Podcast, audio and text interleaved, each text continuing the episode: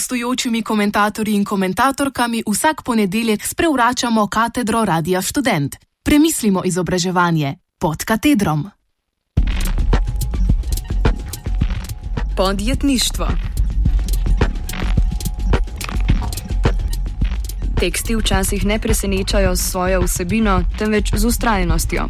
Tokrat se bomo posvetili enemu izmed njih, ki je bil objavljen 3. marca 2017 v šolskih razgledih, tedniku šolske stroke. Ne bomo ga poskušali brati kot teoretski osamelec ali kot udarno novost, kakršna poskuša biti.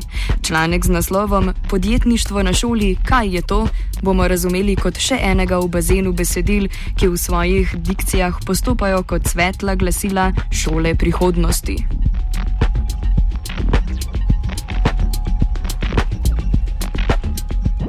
Avtor Janez Gorenc, ki je svoj prispevek oplemenitil s podnaslovom Potrebujemo če dalje bolj inovativne in drzne rešitve, če želimo z njimi konkurirati, trdi, da se šole ne morejo in ne smejo ogniti hitremu spreminjanju sveta.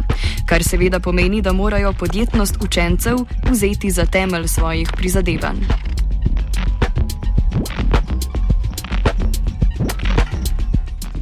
Po njegovih besedah je osnovna naloga podjetnega človeka, da ugotovi, če bi njegova ideja sploh komu koristila. In nadalje, kot povzema po gospodu Bertonclu, guruju vitke metodologije, moramo ugotoviti, ali imamo problem, ki ga je vredno reševati. Vredno reševati za podjetnika, seveda. Ko gredo desetletniki med svoje vrstnike v jedilnico, kakor predlaga avtor, iščejo tiste probleme, ki bi lahko postali dobičkonosni. Lahko so šolcem prodamo rešitve za njihove probleme. Staršers, starševski paralizator. Imajo denar, da nam to plačajo.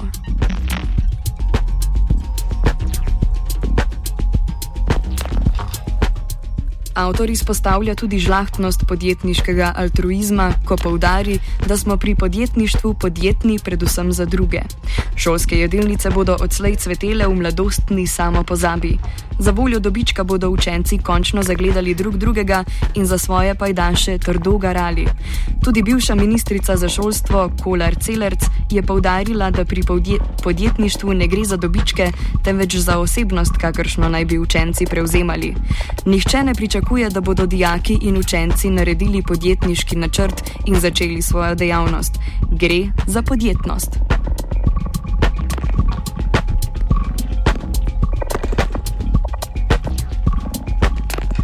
Učenci so podjetni, sošolci pa naj postanejo uporabniki. Pri tehniki v prazen nič rišemo kroge in svinčnik gulimo brez učinkov, ki bi jih lahko prodali. 300 kosmatih menedžerjev, tako pač ne gre. Nasploh članek spremlja nenavadna ambivalentna naklonjenost času, ko so otroci družbi koristili. Včasih so okopavali grede, danes bodo izumljali patente. Nekakšna čudna oda prekerstvu, obenem pa afirmacija vseživljenjskega prizadevanja, da bi se uspeli lansirati na neizprostni trg. Obenem pa gre za novi utilitarizem, ki učencev noče več preslikati v mezno delo in tovarne, temveč v nekakšen nov odnos dela, za katerega je menedžer Peter Ducker lakonično izrekel: nenehna inovativnost, nenehno učenje.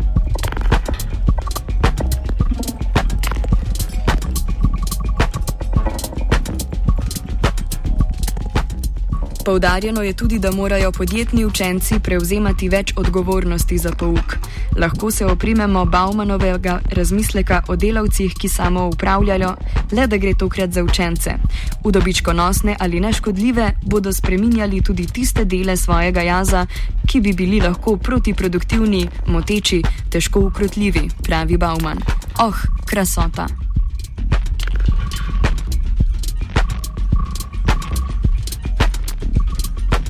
In najbolj genialno od vsega, avtor nam razloži, da bodo bolj inovativni učenci v prihodnosti kovali večje dobičke, kar bo za Slovenijo pomenilo več davkov, večji proračun in ne nazadnje više učiteljske plače.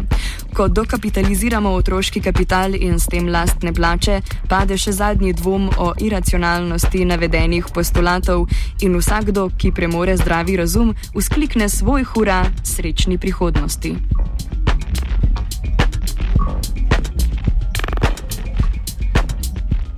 V tem smo avtorju hvaležni. Prispevek je kot avtocesta v inovativno lobanjo. Otroci se zabavajo, a obenem podjetništvo omogoča moment subtilno disciplinirajočega. Njihove ideje so koristne celo za nas. Geografija postane turizem, angleščina postane pot v prostrani svet CV-jev, matematika korak k matematični kompetenci. Ampak vse to se nam ne zdi tako nenavadno. Avtor nas je pripeljal do razumevanja. Konec je z žrebljanjem o vednosti, nastopila je doba bliskovitih inovacij. A preden napravimo harakiri s švicarskim nožem, bomo obelodanili tisto, za kar resnično nimamo razumevanja. Tekste, te in podobne vsebine vedno preveva duh zgodovinske prvobitnosti. Morda gre za ciklično demenco ali pa posebno lastnost podjetnosti, da najde vedno nove načine za osvetlitev svoje marginalnosti.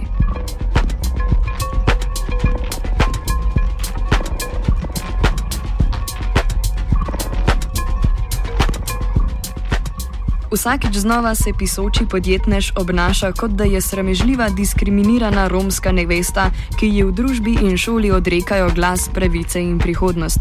Kot da je podjetnost ultimativna kurikularna margina, ki se brez razumevanja stroke prebija in upeha na nehvaležnem terenu. Kljub temu, da prav letos ministrstvo začenja pilotni projekt upeljevanja podjetniških vsebin v učni načrt vseh predmetov. Nežne cvetlice podjetniškega uspeha preraščajo narašča sluzasti mah slovenskega socializma. Ali pač?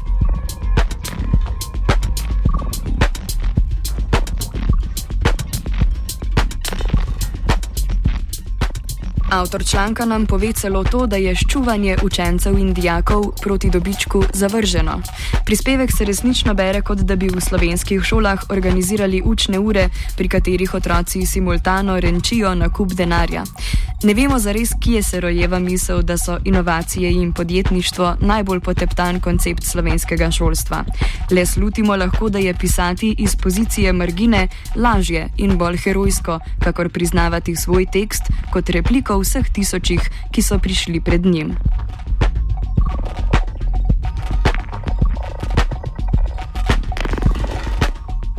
Ampak resnično, za vse zaskrbljene avtorje tam zunaj, le mirno. Mi smo že ta generacija. Beseda inovacija bi nam tiho glodala možgane, tudi če je ne bi prebirali oziroma prebrali v naslovu vsakega razpisa iz ministerstva. Če bi nas sredi noči zbudili in nam zagrozili, da moramo prijaviti evropski projekt, bi histerično nakracali odstavek o kreativno-podjetnem inoviranju praks s fleksibilnimi učinki. Polni smo floskuli in sprenevedanja. Karjerno smo pospešeni kot elektroni v cernu, katerih edini in najsijajnejši namen je, da drvijo v krogih, dokler se ne razletijo.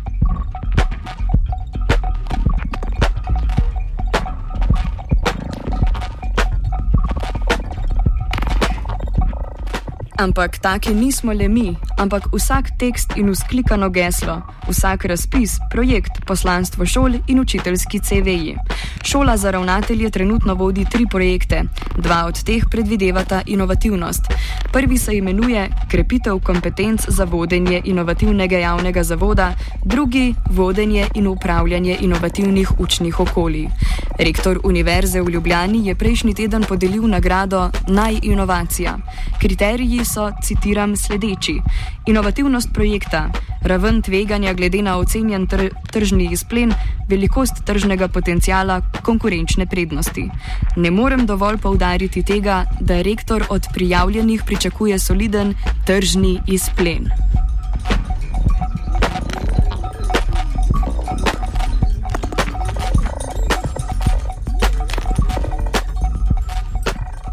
V poslanstvu, strategiji in ciljih Gea Collegea se beseda podjetništvo in njegove izpeljanke pojavijo 19krat, beseda znanje pa je v dokumentu omenjena dvakrat.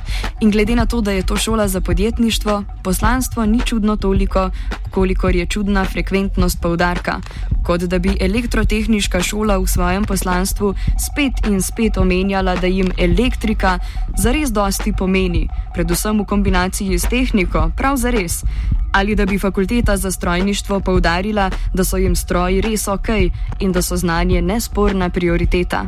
Ampak podjetnost ima pač status posebno pompozne parole. Mimo grede, Gea College v ciljih načrtuje tudi postati najboljša šola v tem delu Evrope, čeprav ni jasno, na kakšni kvadraturi se poteguje za naziv.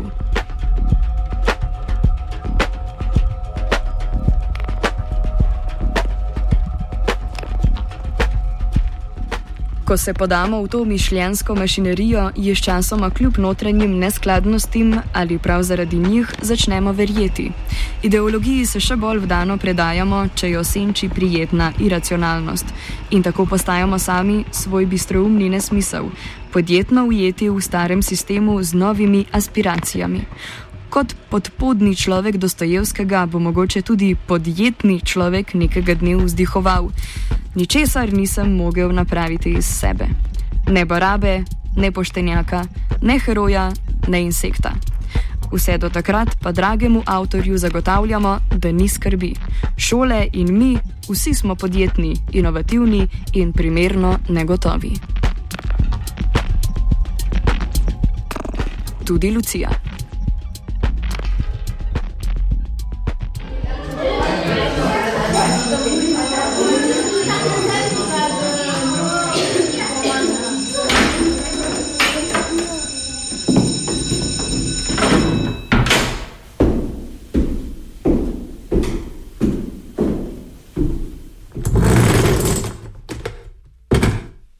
Gostujočimi komentatorji in komentatorkami vsak ponedeljek sprevračamo katedro Radia Student. Premislimo izobraževanje pod katedrom.